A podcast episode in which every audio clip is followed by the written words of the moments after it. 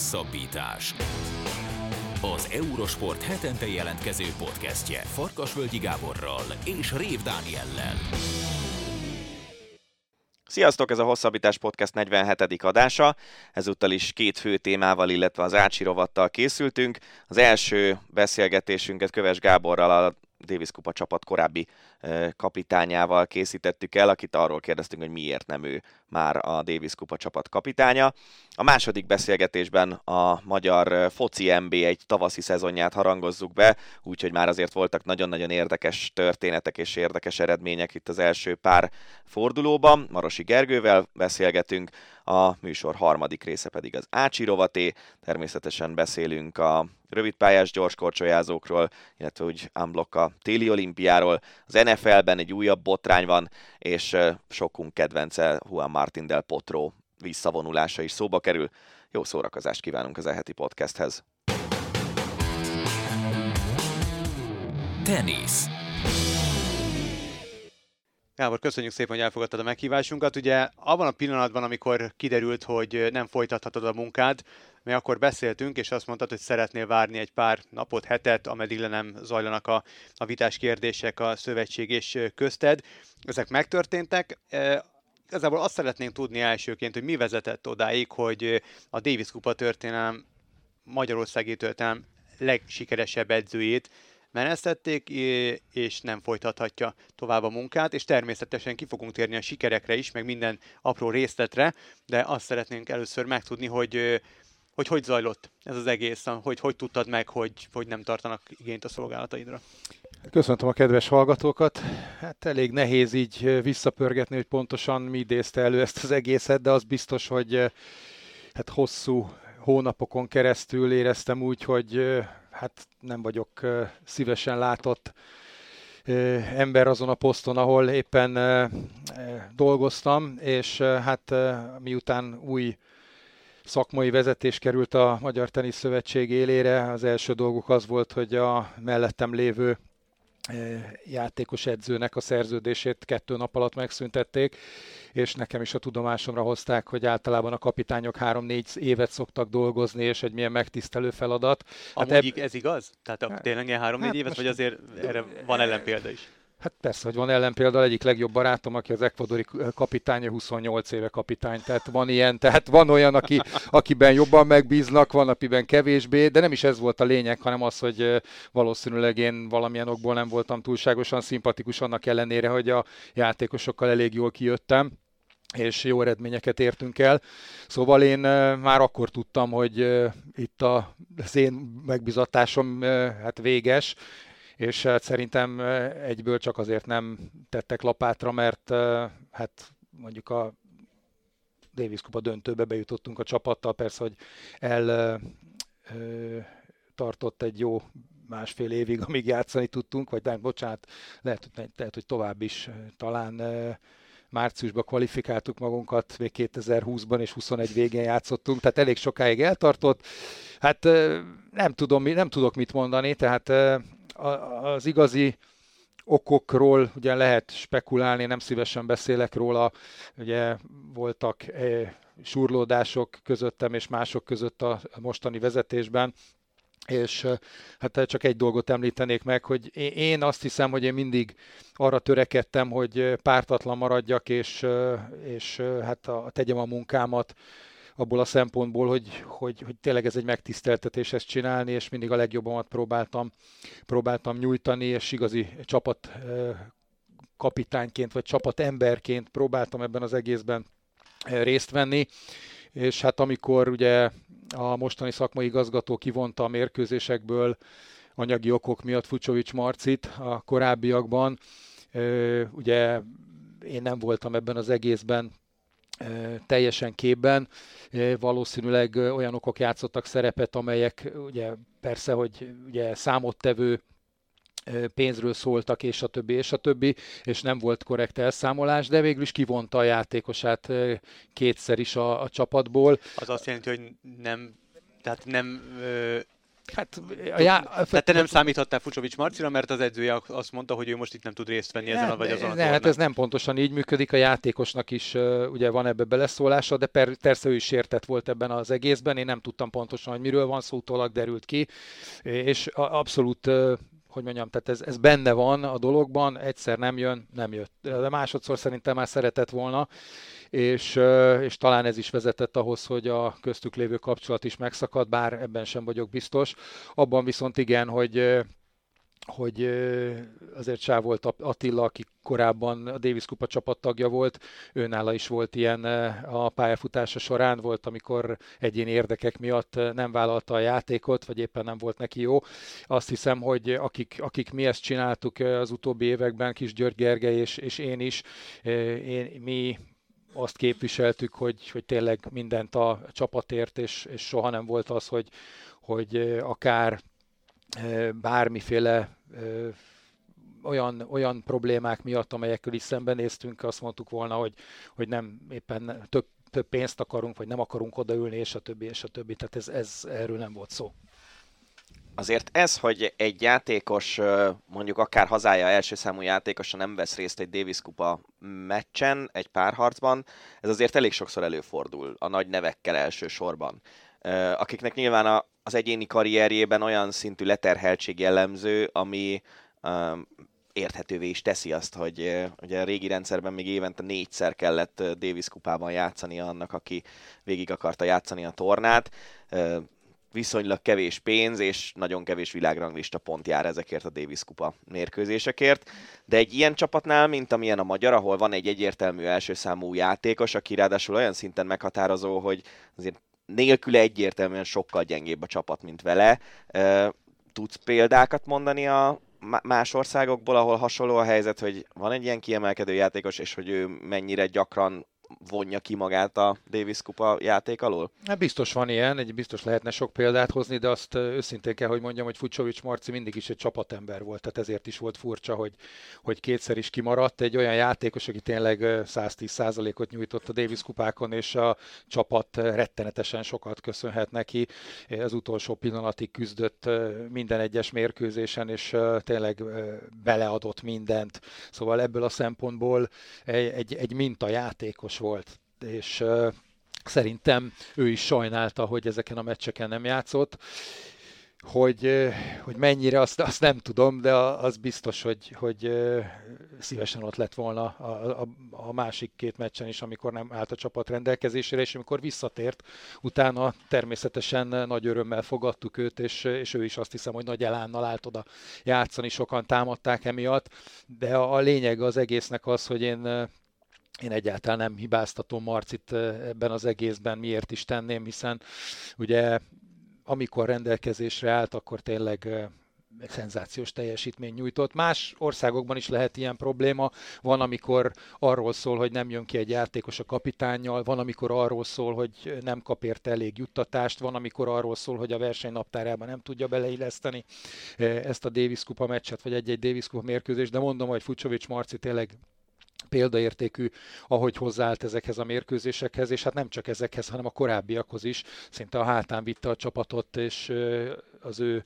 teljesítménye nagyon nagy részben hozzájárult ahhoz, hogy odáig eljutottunk ahova az utóbbi esztendőkben, amikor én kapitány voltam, illetve lehettem az mindig egy nagy, nagy megtiszteltetés, nem csak kapitánynak lenni, hanem játszani is a Davis kupában, és én azt hiszem, hogy ő, ő ugyanúgy tisztelte ezt, mint bárki más, aki, aki pályára lépett amit számomra egy picit furcsa, vagy hát inkább azt mondom, hogy magyaros, hogy te nagyon elegánsan megvártad azt, hogy lezáruljanak itt a vitás kérdések, és nem akartál elébe menni semmiféle uh, nyilatkozattal a történetnek. Ezzel ellentétben Sáholt Attila azért uh, kövér nyilatkozatot leadott a Bliknek, és ott azért nagyon sok mindent mondott, uh, amely nem feltétlenül tüntetett fel jó színben.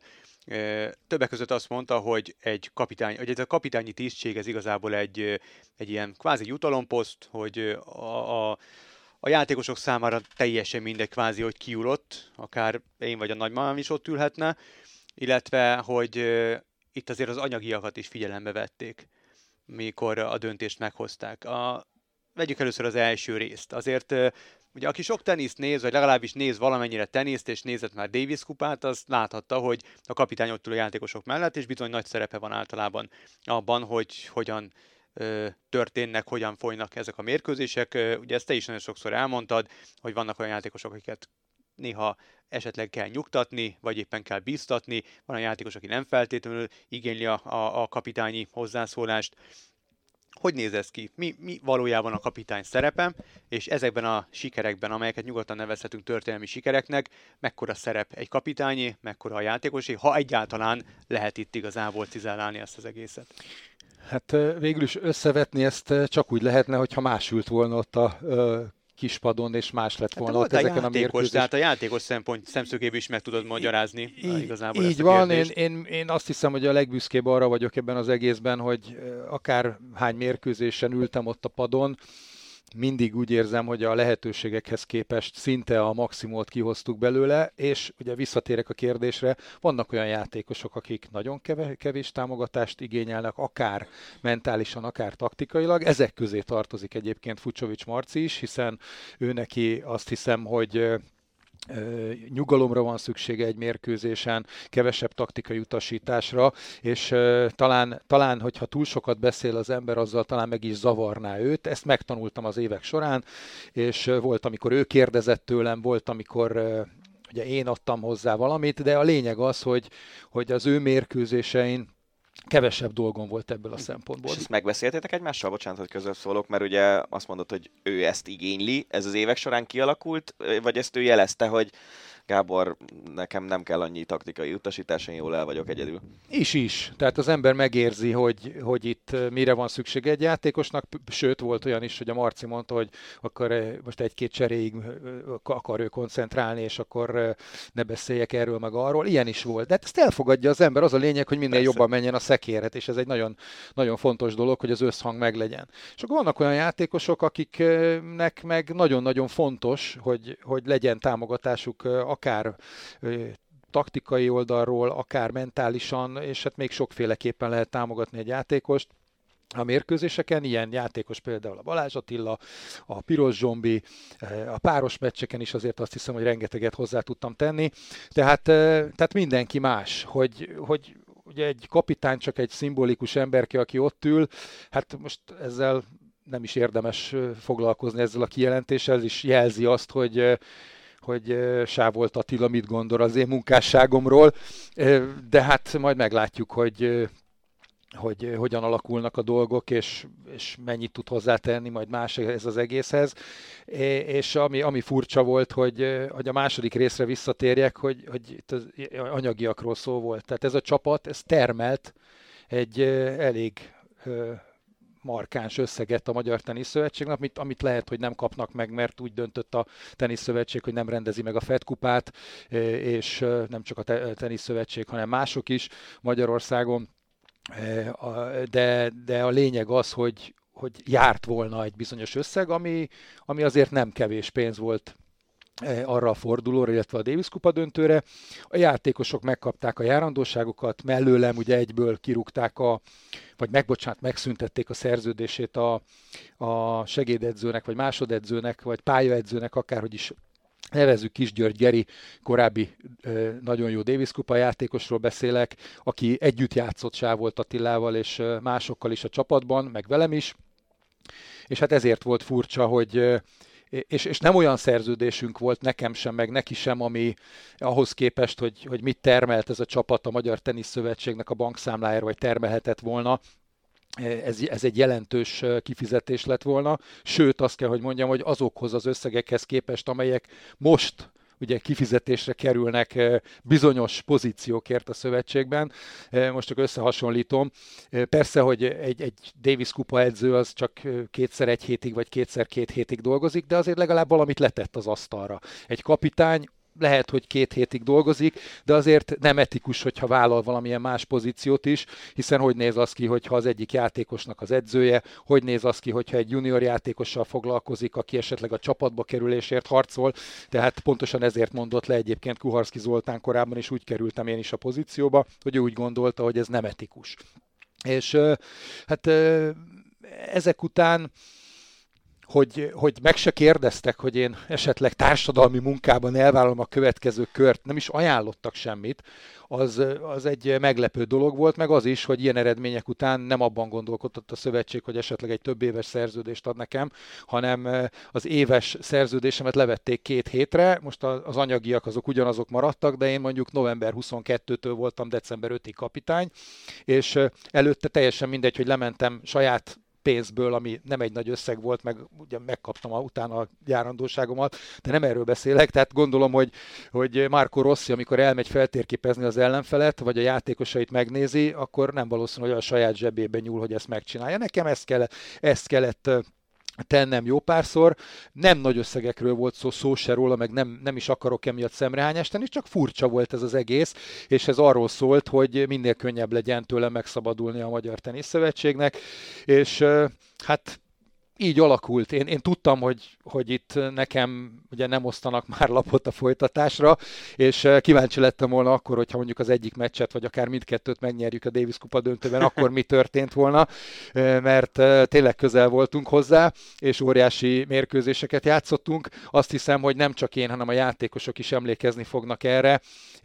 Ugye Borsos Gábor, aki játszott korábban párost a csehek ellen írt, hogy tényleg ez egy olyan emlék számára, amire örökké emlékezni fog Piros Zsombi is fölhívott, ők Balázs a, Attila a döntés is. után, amikor már nyilvánosságra került, hogy nem folytathatod, akkor így van, a játékosai? Így, így van, nagyon, nagyon kedvesek sokat, voltak. Sokat, és elmond soka, so, sokat elmond a kapcsolatról, és uh, ugye abból a szempontból Fucsovics Marci nehéz helyzetben van, hogy ő, pont, a, pont az ő edzője került erre a posztra, és, uh, és hát gondolom, hogy ő, őnek is volt ebbe valamilyen beleszólása egyáltalán. Mármint kinek? Fucsovics Martinak, hogy ki legyen a kapitány? Persze, persze, gondolom, hogy, hogy az első játékosnak azért van ebbe beleszólása valamilyen szinten, hogyha már a szövetség úgy dönt, hogy, hogy valaki nem folytatja, akkor ő kit szeretne, és abszolút megértem, hogy a hozzá közeli emberek közül választott, és ezzel semmi harag az egészben.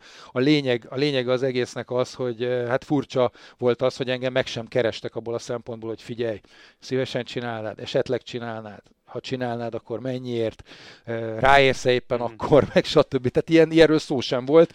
Eh, azt hiszem, hogy már akkor, amikor ugye az első napokban beszélgettünk még 2020 novemberében, amikor megkapta a pozíciót Sávolt Attila, akkor, akkor már elhangzottak olyan mondatok, amelyek ugye arra engedtek következtetni, hogy, hogy itt aztán örülhetek, hogyha a repülőgép szárnyán kiutazhatok a Davis Kupa döntőre. Tehát, tehát itt én így éreztem magam, és tényleg, hogyha, hogyha az ember úgy érzi magát, úgy érzi magát hogy, hogy itt itt nem szívesen látják ebben a pozícióban. Most teljesen mindegy, hogy milyen ok miatt, még akkor sem, hogyha esetleg megnyerjük a Davis kupát, most persze ettől messze voltunk szó se róla, de nagyon szépen teljesítettünk, akkor, akkor úgy, úgy elkeseredik egy picit, megcsinálja a munkáját, ráadásul nekem ugye családi tragédia is volt, hogy a Davis kupa döntő alatt ö, kórházba került az édesanyám, és sajnos ö, hát ö, nem tudtam ö, vele még a kórházban sem találkozni. Nehéz erről beszélni, de, de hát nem tudom, hogy megérte a dolog ebből a szempontból. Az biztos, hogy nem volt könnyű, de így utólag azt kell, hogy mondjam, hogy szép öt év volt, és, és nagyon jól esett, hogy csinálhattam. Még egy dologra mindenféleképpen szeretnék itt, több dologra, de ugye Sault Attila abban az ominózus Blick interjúban megemlítette a Vakusz Máté val kapcsolatos történetet. Annak mi a háttere? Mert igazából ezt senki nem bontotta ki, csak uh, igazából neked szegezték, hogy te hazaküldted Torinóból.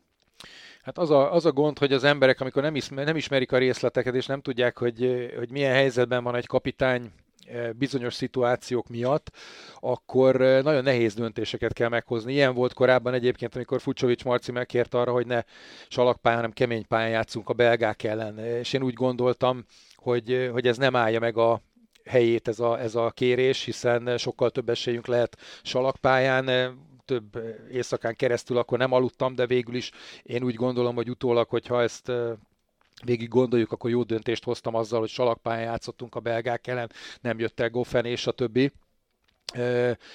Szóval a Valkusz Mátéra visszatérve, én nagyon közel voltam Mátéhoz az elmúlt években, abból a szempontból, hogy rettenetesen sajnáltam, hogy örökké valami baja volt, beteg volt, nem tudott játszani, és most is ilyen problémája volt a Davis Kupa döntő előtt. Nem csak beteg volt, hanem előtte a válla is megsérült. Bíztattam, hogy próbáljon úgy fölkészülni, hogy legalább tartaléként számíthassak rá, és Ugyanerre elég kevés volt a remény, de mégis az utolsó pillanatig vártam. Lehet, hogy jobb lett volna, hogyha három héttel ezelőtt azt mondom neki, hogy figyelj, ebből nem lesz semmi, és ugye sokan ezt gondolták, 90% ezt gondolta a körülöttem lévő emberek közül. Én bíztam abban, hogy esetleg lehet tartaléként rá számítani, kivittük őt Torinóba, és hát ott az edzéseken hát sajnos nem úgy nem tudott egyáltalán olyan szinten játszani, vagy egyáltalán próbálkozni olyan játékkal, adogatásokkal, amivel eh, bízhattam volna abban, hogy végig tud játszani egy mérkőzést, akár egyéniben, akár párosban, az egyéniről egyébként szó sem lehetett, és eh, hát azt beszéltük meg, hogy ha ha Máté játékra képes lesz, akkor Balázs Attilát veszem ki a csapatból, és úgy lesz majd egy páros játékos Nagy Péter személyében a csapatban, ha viszont nem, akkor fordítva uh-huh. következik be, hiszen azért mégiscsak Balázs Attila valamit letett az asztalra. Egyébként utólag sajnálom, hogy Balázs Attilát nem vettem ki a csapatból, mert támadható volt az az egész, annak ellenére, hogy a Davis kupában korábban négy játékos volt, és untig elég volt a négy játékos, hogy arra, hogy legyenek egyéniben is, párosban is tartalékok ez támadható volt, hogy Balázs Attila végül is e, úgy, volt, úgy maradt a csapatban, hogy nem tudott játszani, és nem volt játékra alkalmas. Persze e, most Valkusz Mátéra visszatérve, nagyon szerencsétlen volt, hogy hogy ő hazautazott, hiszen így utólag azt kell, hogy mondjam, hogy eh, nem csak a csapatot, hanem engem is cserben hagyott, mert kiálltam mellette, itt voltak nagyon komplikált pénzügyi eh, dolgok is ezzel kapcsolatban a játékosoknak, kiálltam mellette, összevesztem a játékosokkal, és eh, hát az volt a feltétele, hogy ő idézőjelben jól járjon, hogy ott marad és szurkol a csapatnak. Egy olyan játékosról beszélünk egyébként, aki kettő darab mérkőzést játszott körül, különben a Davis kupában korábban, egyiket sem nyerte meg, világ első volt a junioroknál, és nagyon nagy tehetség, de, de egy ötödik játékosról beszélünk, aki, aki ugye nem tudott volna pályára lépni, mert sérült volt. Tehát én, én ezt nagyon rosszul éltem meg, főleg ugye Ugye Máté is nyilatkozott utána egy-két dologban, lehet, hogy talán jobban is lehetett volna kezelni ezt, és tisztában is kommunikálhattam volna vele, és korábban is hozhattam volna ezt a döntést, de pont az ő érdekében, vagy az ő lehetőségét is figyelembe véve úgy gondoltam, hogy, hogy mivel megérdemelte volna a játék alapján, hogy a, pály, hogy, hogy a csapatba kerüljön, hogy az utolsó pillanatig várok, így, így alakult a dolog. Az, az, azt el kell fogadni, hogy valaki nem tud pályára lépni, utána több héten keresztül sem tudott versenyezni, sőt azt hiszem januárban kezdte el a versenyeket, és nem is olyan magas szinten. Szóval nagyon sajnálom ezt az egészet, és hát minden jót kívánok Máténak, hiszen egy nagyon tehetséges játékos, azt viszont el kell ismerni, hogy esély sem volt arra, hogy őt pályára lépjen, és hát nekem is könnyebb lett volna így utólag, hogyha még Balázs Attilát is kiveszem a csapatból, és berakok helyette valaki mást, aki nem lépett volna pályára, de pontosan Valkusz Máténak a, hát a csapatbeli szerepe is közrejátszott ebben, hogy, hogy ezt a döntést nem hoztam meg, és itt természetesen ez támadható volt. Egy utolsó kérdés, azért összességében ennek az öt évnek a mérlege, az remélem, hogy pozitív benned így a vége ellenére. Hát mindenképpen. Én, én nagyon sokáig mindig egy hónappal, két hónappal a meccsek előtt már, fú, már én is izgultam szinte, hogy, hol, hogy amikor pályára lép a csapat, akkor mi fog történni. A, az utolsó etapja, ami volt a kapitánykodásomnak, ez az utolsó egy-másfél év, hogy a szerződésemmel kellett vacakolni, és arról beszélgetni, hogy, hogy éppen hogyan oldjuk meg, és hogy éppen két hétig legyen kap, legyek kapitány, vagy lehessek kapitány, vagy sem, vagy, vagy egyáltalán ugye az, hogy, hogy hogyan állunk ki, és mi lesz majd a döntőben, hiszen volt egy nagyon, nagyon jó játékosunk, aki sérült volt. Így, így, így azt hiszem, hogy emelt fővel távozhattam a kapitányi posztról, és azzal, hogy kétszer bejutottunk a Davis Kupa döntőbe, vagy a, ugye a világcsoportba, hogy korábban hívták, azzal nagyon nagy dolgokat értünk el. Én, én tényleg hálásan fogok gondolni erre a lehetőségre, és külön köszönöm dr. Szűcs Lajosnak, a korábbi elnöknek, aki megbízott ezzel a feladattal, hogy, hogy egyáltalán ott lehettem, és ezt csinálhattam. Mi meg azt köszönjük, hogy elmesélted a történetet nálunk is. Labdarúgás. A műsor második részében, ahogy ígértük, labdarúgással foglalkozunk, az NB1-et harangozzuk be, illetve egy kicsit kitérünk majd a magyar labdarúgó válogatottra is. Marosi Gergely, sportújságíró barátunk a vendégünk. Köszönjük szépen, hogy elfogadtad a meghívásunkat, és igazából azért gondoltuk, hogy érdekesnek tűnhet a magyar NB1 górcső alá vétele, mert hogy azért történtek edzőváltások, ugye a leggazdagabb és a jelenleg az utóbbi időszak legeredményesebb magyar csapatához, a Ferencvároshoz is érkezett új edző, ráadásul óriási név. A bemutatkozás egyelőre finoman szólva sem sikeredett túlságosan jól. Engem külön érdekel, hogy a Honvédnál miért akkor küldték el az edzőt, amikor végigcsinált egy téli felkészülést, és hívták meg az újat, és nagyon kíváncsi vagyok arra, hogy Újpesten mi lesz a történet folytatása. Úgyhogy Gergő, át is adom a szót, de kezdjük talán a Ferencvárosra, hiszen az a legnépszerűbb klub Magyarországon. Ugye érkezett egy nagyon neves edző, az orosz labdarúgó válogatott korábbi szövetségi kapitánya, akit természetesen mindenki nagyon várt.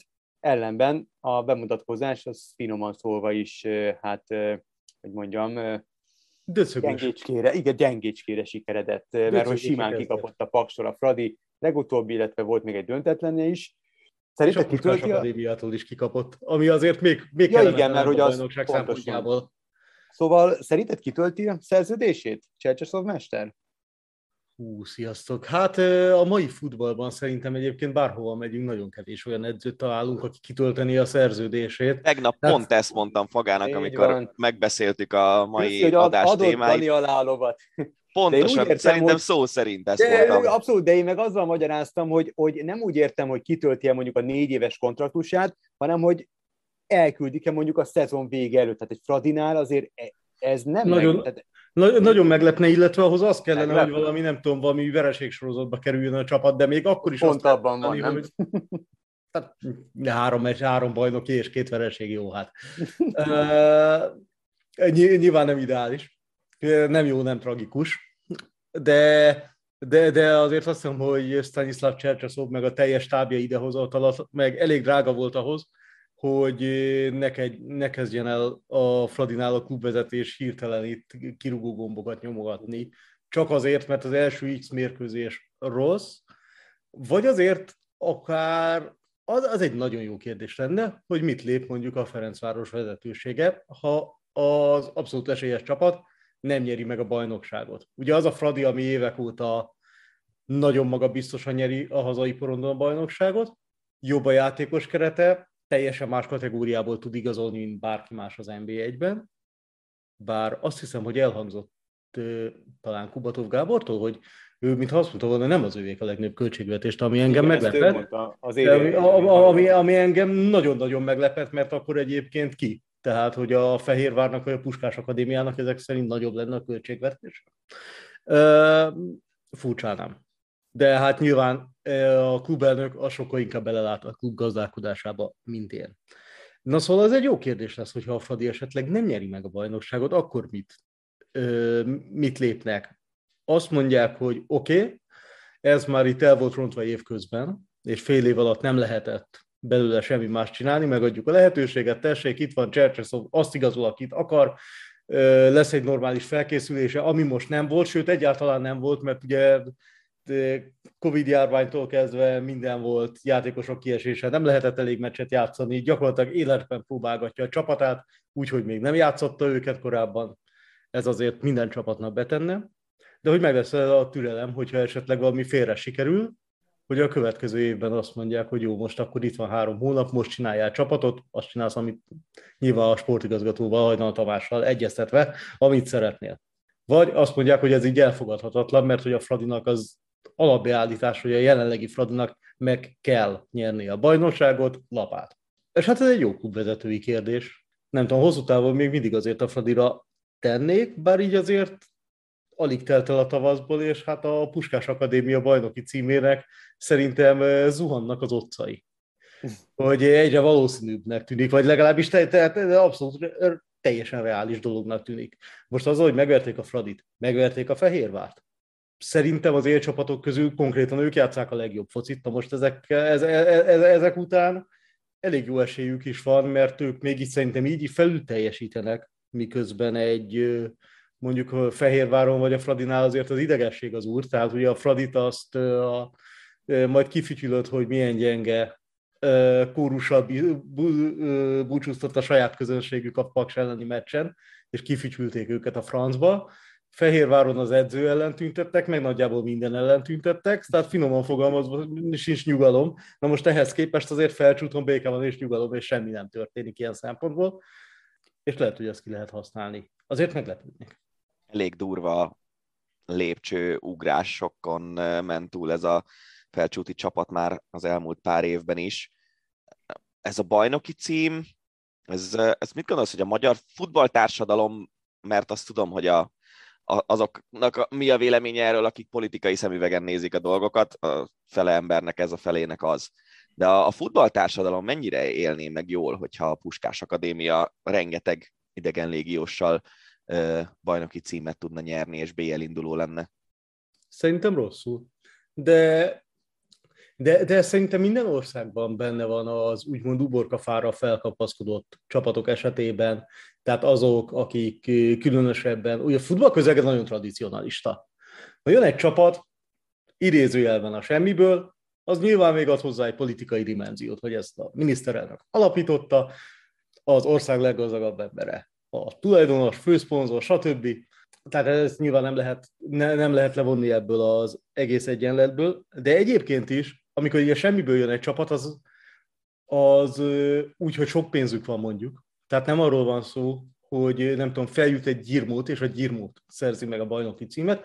Valószínűleg mindenkinek leesne az álla, és senkinek nem lenne különösebb baja vele, bár nyilván ott is elhangzana, hogy nem tudom, falu miért nyer bajnokságot. Az kicsit olyan lenne, mint a Honvéd győzelme pár évvel ezelőtt. Hát, igen, csak még, néhány fokkal meglepőbben, igen. igen. Igen. És persze a faluzás sem feltétlenül igazságos. Na most a Puskás Akadémiánál ugye ott van az, hogy ezt tudjuk, hogy emögött renge, rengeteg pénz van, tehát arra azért mernék fogadni, hogy a felcsútiaknak az egyik legnagyobb a költségvetése, a tau tudjuk, hogy mennyi kerül oda, elképesztő körülmények minden. Na most ezt szerintem már nehezebben veszik be a szurkolóknak a gyomra, akik ugye tradicionalisták, ahogy nehezen vették be, vagy veszik be, mondjuk az RB Leipzigot, vagy akár az Salzburgot, miután átvette a Red Bull, nyilván nem az eredeti Ausztria Salzburgra gondol az ember, vagy a hirtelen meggazdagodott csapatokat. És nem tudom, hogyha bajnok lenne a Puskás Akadémia, akkor arra azért kíváncsi lennék, lehet, hogy néhányan kikapcsolnák a magyar futballt egy időre. és tényleg, tényleg fogalmam nincs, hogy milyen, milyen reakció lenne. Azért nagyon, nagyon kevés magyar csapat esetében lehet olyat tapasztalni, hogy gyakorlatilag létezik egy nemzetközi porondra kilépnek, és mondjuk ha a kommenteket nézi az ember, akkor létezik egy konkrét ellentábor. Hogy mondjuk kimegy a magyar csapat nemzetközi kupa meccs, és az ellenfélnek drukkolnak néhányan látványosan. Ez kevés csapat esetében fordul például elő. Nem tudom. És ugyanakkor igen, nyilván az, hogy és a sok légiós, de ugyanakkor tegyük hozzá egyébként, hogy a mostani NB1-ben a Puskás Akadémia elég jelentős mennyiségű saját játékost is idézőjelben használ, azon megint el lehet vitatkozni, hogy mit szeretnénk, hogy mondjuk a Puskás Akadémiában inkább legyen, nem tudom, nyolc magyar játékos, aki saját akadémiáról jött, mint hogy Mohamed Mezgranit megvegyék a Honvédtól a télen. Vagy teljesen, szab, teljesen szabadon behelyettesíthető. Nyilván nem Mezgranitra akarom kihegyezni a dolgot, és hogy, de hát ez az egész, de hát ez megint csak nem felcsúti jelenség, ez a magyar NB1 jelenség, most számoltam össze, és remélem, hogy jól adtam össze, még nincs vége az átigazolási időszaknak Magyarországon, hogy csak a télen jött 28 játékos külföldről. Az egy teljes keret. 12 hm. csapatra. Ugye úgy, hogy a Paks az nem játszott külföldi játékosokat. Na most erre azért megint csak ez mivel fog járni, ezeket a játékosokat nem azért hozzák, hogy ne játszanak, ezeknek a többsége játszani fog. Már az ősszel is ott tartottunk, hogy ilyen 50% nagyon közelében billeget, picit több magyar játékperc volt, mint külföldi. Ezek után lehet, hogy át fog fordulni, és tavasszal már többet fognak a külföldi játékosok játszani az NBA-ben, mint a magyarok. És ezek után persze az ember megkérdezi, hogy oké, okay, de akkor A. Hol van az a pénz? B. Mi történik a magyar utánpótlás neveléssel, amiben soha nem látott összegben vele, infrastruktúra fejlesztéstől kezdve gyakorlatilag mindenre, mindenre, akadémia létesítésre, játékos fejlesztésre, és akkor mit lát az ember? Az ember azt látja, hogy így most teljesen mindegy, nem akarok, tényleg ezt nem kipécézni akarok csapatokat, de így ránéz az ember a, nem tudom, Gyirmót átigazolásaira, ami még csak nem akadémista csapat, ilyen szempontból. Egy szlovák, egy kuraszaui, azt hiszem kuraszaui holland, igen, egy fehér orosz, egy macedón, vagy mezőkövesden kettő horvát, egy cseh, jó, ő már Magyarországon játszott, nem, egy albán macedón, egy albán koszovói, szóval de ne, nem azt mondom, hogy a idegen légiós rossz.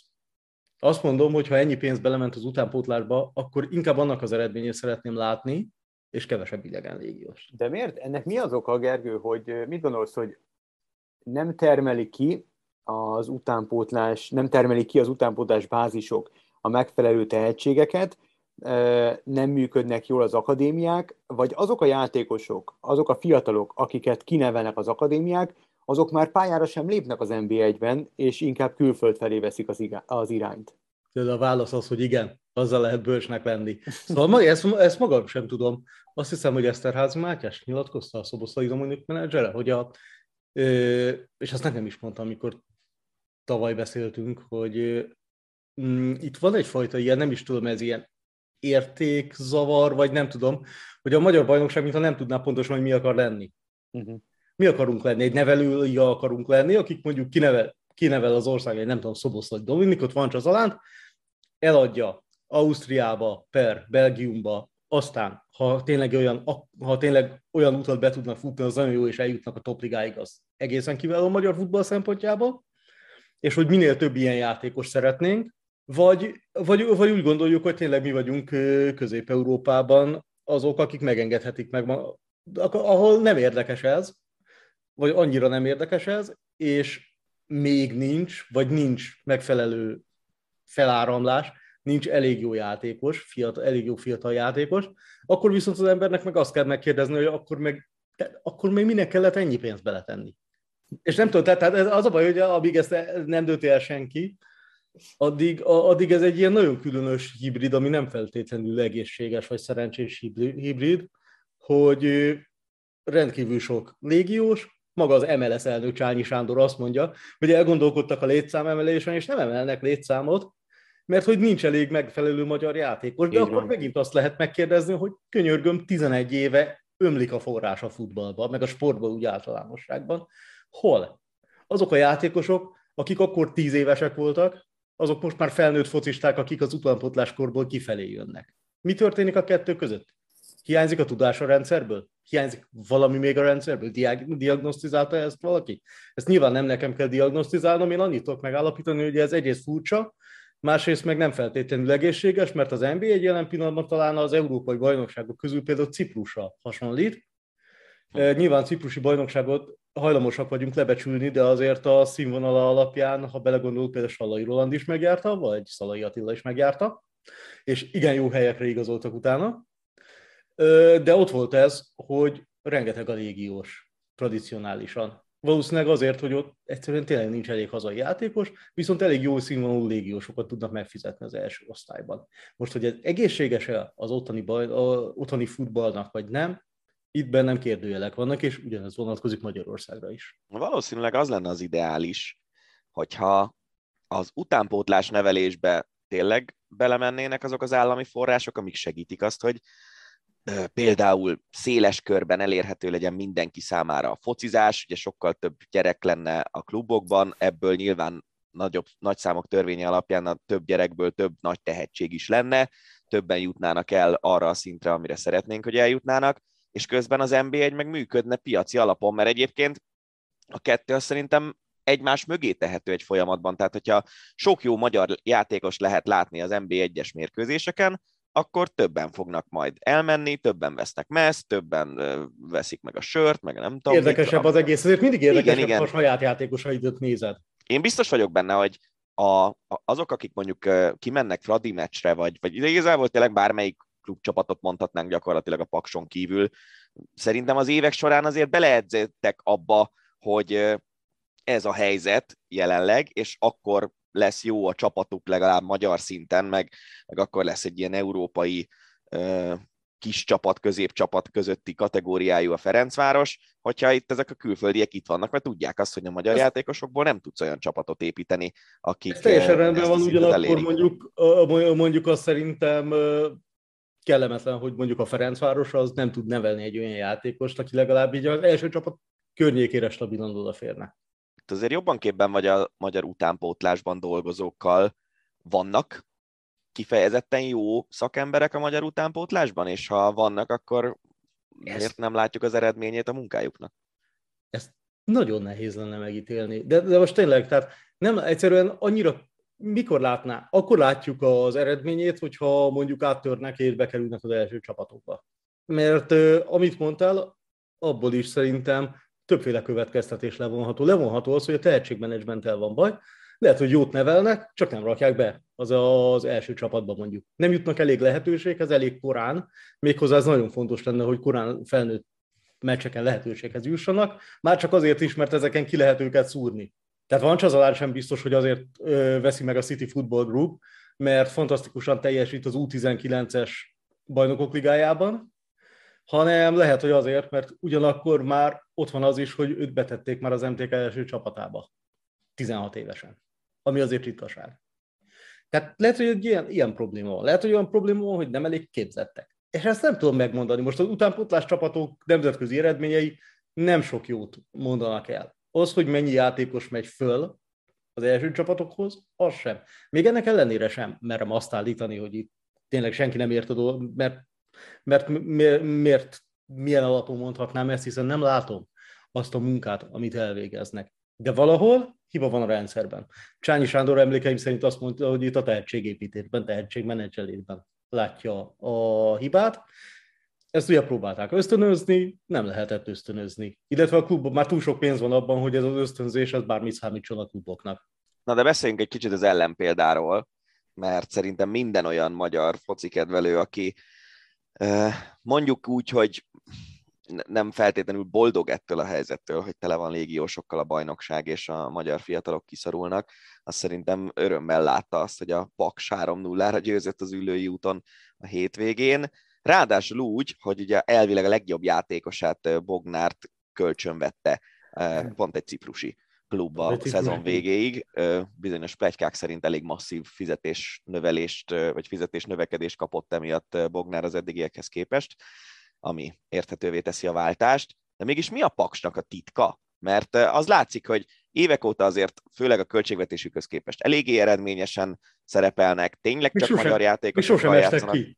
Hát az egy dolog, hogy sose esnek ki, de hogy ilyen negyedik hely, meg ilyesmi eredményeik ne, voltak a bajnokságban. De, sőt, volt, voltak egyszer ezüstérmesek is, Igen. de a, hát magában az óriási ö, eredmény egyébként, hogy mióta feljutott a Paks, sosem kényszerült vissza a másodosztályban, pedig azért tényleg egy viszonylag szerény költségvetésű, lehetőségű, infrastruktúrájú csapatról van szó, bár most már van új stadionjuk. Ez tényleg ilyen Bognár György hatás, tehát a, a, egyetlen, nem, nem biztos, hogy az egyetlen, de minden esetre az a csapat az NBA-ben, amelyik mer focizni, és és, és, nem, és nincs benne, nem, nem, nem látni félelmet. Most mi van, mennek előre, kikaptunk 5-3-ra, jó. Nyertünk 6-2-re, még jobb. Most érted, tehát kimennek, kimennek a tényleg sokkal értékesebb. Tehát a Fradinak valószínűleg a kispadja papíron lehet, hogy erősebb lenne, mint a Paksnak a kezdőcsapata. Ehhez képest elmennek az ülői útra, és 3-0-ra lemossák a Fradit. Úgyhogy tulajdonképpen nem is kérdéses hogy mi a mérkőzés végeredmény. És lehet, hogy ebben az idényben Ádám Martinnak még az is bemegy, amit nem is kapura lő, de, de, de, ennek, de ennek ellenére nagyon üdítő látni azt, hogy csak magyar játékosokkal, ilyen költségvetéssel, ilyen futball. Mert lehet, lehet azt csinálni, hogy 1 0 és 2 1 és nem tudom, 0 0 mérkőzésekkel fogcsikorgatva a 13 légióst alkalmazva, megszerezzük a nyolcadik helyet. Meg lehet így is. És lehet, hogy a Paks ugyanúgy nyolcadik lesz, de, de akkor melyiket nézi szívesebben a közönség? Pontosan, ez ezzel, ezzel tud azonosulni a hát hazai szólal, közönség. Ugye, tehát ez, ez, ez, ez a jó marketing. Tehát, ha, tehát ha még semlegesként is bekapcsolod, azt mondod, hogy ezek tényleg itt vannak tök kis, viszonylag kis szerény csapat, magyar játékosokkal öntik a gólokat. Minden, és kapják is. Tehát teljesen mindegy, de bekapcsolod a Paks meccset, 4 plusz gól, nyilván. Ha erre tettél az év eleje óta minden mérkőzésen, akkor már gazdag ember vagy. Ha már Ádám Martin nevét megemlítetted, ő lehet alternatíva mondjuk a válogatottban? Szalai Ádám helyettesítésére? Én, én hónapokig legyezgettem magam elő ezt a gondolatot, hogy nem. Hát mondjuk, hogyha ekkora gólokat lő, mint amit kezdek, lőtt a Fradi kezdek, ellen. a, kezdek afelé, afelé tendálni, hogy, hogy de, lehet. Mármint, tehát ne, nyilvánvalóan nem ugyanaz. Tehát nem ugyanaz, mint akinek van 200 Bundesliga meccse. Ádám Martinnak jelentős nemzetközi tapasztalat nélkül azért teljesen más lesz. És ráadásul egy olyan csapatban van, ahol ő, az a, ő a támadásoknak a fókuszpontja, rá van kihegyezve egy csomó minden, és egy olyan csapatban van, amelyiket a védekezés jóval kevésbé érdekli, mint a támadás, mindenhova oda és próbál négy gólt rúgni. Aztán vagy sikerül, vagy nem, és érdekes módon az esetek többségében igen. Na most ebben egy csatár azért elég jól érzi magát, lásd Hán János előző idénybeli teljesítménye, az is egy óriási ugrás volt a korábbiakhoz képest. Most meg Ádám Martiné, tehát úgy van kidolgozva a taktika, meg maga az egész rendszer, hogy ebben valóság, valósággal Lubickol egy befejező csatár. Na most ez lehet, hogy totál más lesz, hogyha nem tudom, itt most felkészülési meccsen, vagy Szerbia ellen kimegy Ádám Martin, de ezek után nagyon meg lennék lepve, hogyha nem kapna lehetőséget. Szerintem ő idén be fog mutatkozni, ha nem sérül meg. Hát reméljük, hogy ez a bemutatkozás ez sikeres lesz. A felkészülési mérkőzésekre, a válogatott előtt álló felkészülési mérkőzésekre, illetve a Nemzetek Ligája csatáira ezúttal nem jutott időnk, de természetesen ezt majd egy más időpontban kivesézzük. Marosi Gergelyel. Köszönjük szépen, Gergely, hogy Köszönöm ezúttal is elfogadtad a meghívásunkat. Ácsi. Hét legérdekesebb hírei. Sziasztok, ez itt az Ácsi rovat, és a mai nap során természetesen már helyet kapnak az olimpiai hírek, hiszen elkezdődött a pekingi téli olimpia. Vágjunk is bele. Még az olimpia előtt az AP amerikai hírügynökség két bronzérmet jósolt a magyar válogatottnak, 109 szám dobogósait előrevetítve két rövidpályás gyorskorcsolyázónk Liu Shaolin Sándor és az amerikai születésű Johnny Krüger szerepelt bronzérmesként az AP hírügynökség jóslása alapján. Hát ezt a két bronzérmet hip-hop meg is szereztünk, hiszen ugye hát nem Liu Shaolin Sándor nyerte a bronzérmet, hanem testvére Shawang, viszont a vegyes váltó az bronzérmes lett, és hát ez, ez az annak a tipikus esete, nem, hogy az egyik szemünk sír, a másik meg nevet, nem? Mert hogy ugye Liu Shaolin Sándortól, hát most mondhatjuk, hogy elvettek egy aranyérmet, de beszéljük már ezt ki, mert a magyar sajtóban természetesen rögtön jöttek a, a, a, az ilyen típusú cikkek, hogy elvették így, úgy az óvást elutasították, stb. stb. Te közvetítetted, te vagy itt nálunk a short track szaki, ezt most elvették, vagy ez abszolút jogos igazából, hogy nem kapta meg az aranyat? Szerintem minden ilyen szituációban az a legjobb taktika, amit az ember csinálhat, hogy megnézi fordított szemüveggel. Uh-huh. Tehát, hogy mi lenne, hogyha a magyar lenne, a, aki a kínai, és aki a kínai, az lenne a magyar. És szerintem, hogyha fordítva lett volna, akkor azt követeltük volna, hogy zárják ki. Uh-huh. Uh, rend. A szabályok ezek, mit mondanak? Figyelj, ezek ilyen 50-50 dolgok. Uh-huh. Tehát elvileg például előzni csak úgy lehet, hogy uh, nincs kontaktus a versenyzők között. És egyértelműen volt kontaktus az előzésnél. Más kérdés, hogy szerintem egy olimpiai döntőben, egy férfi olimpiai döntőben főleg az enyhe testi kontaktusokat, amik ráadásul nem Hát nem azt, nem azt mondom, hogy valaki izomból kilöki a másikat, az férjen bele semmiképp. De az ilyen enyhébb testi kontaktusokat, azokat valószínűleg engedni kéne ennél jobban, mint amennyire bocsánat, most engedik őket. A, a célegyenesbeli dolog, am, amivel ugye a második büntetését szedte össze, Shaolin, és ugye, hogyha a két büntetésből csak az egyiket érvényesítik, akkor legalább egy ötödik helye lett volna, ami nyilván... Nem azért jött, meg nem azért nem boldogította de, volna, de... de... Igen, de, de azért mégiscsak egy olimpiai Persze. ötödik hely az valami. Sőt, nem is ötödik lett volna, azt hiszem, hanem, hanem nyolcadik, vagy hetedik, vagy mindegy, tök mindegy. Uh-huh Ugye a B döntőben, akik célba értek, azok elé kerültek volna, de, de lényegtelen. a, a, a célegyenesbeli eset, ott, ott szerintem az volt, hogy nagyon elfáradt Shaolin, próbálta nyilván minden erővel maga mögött tartani a kínait.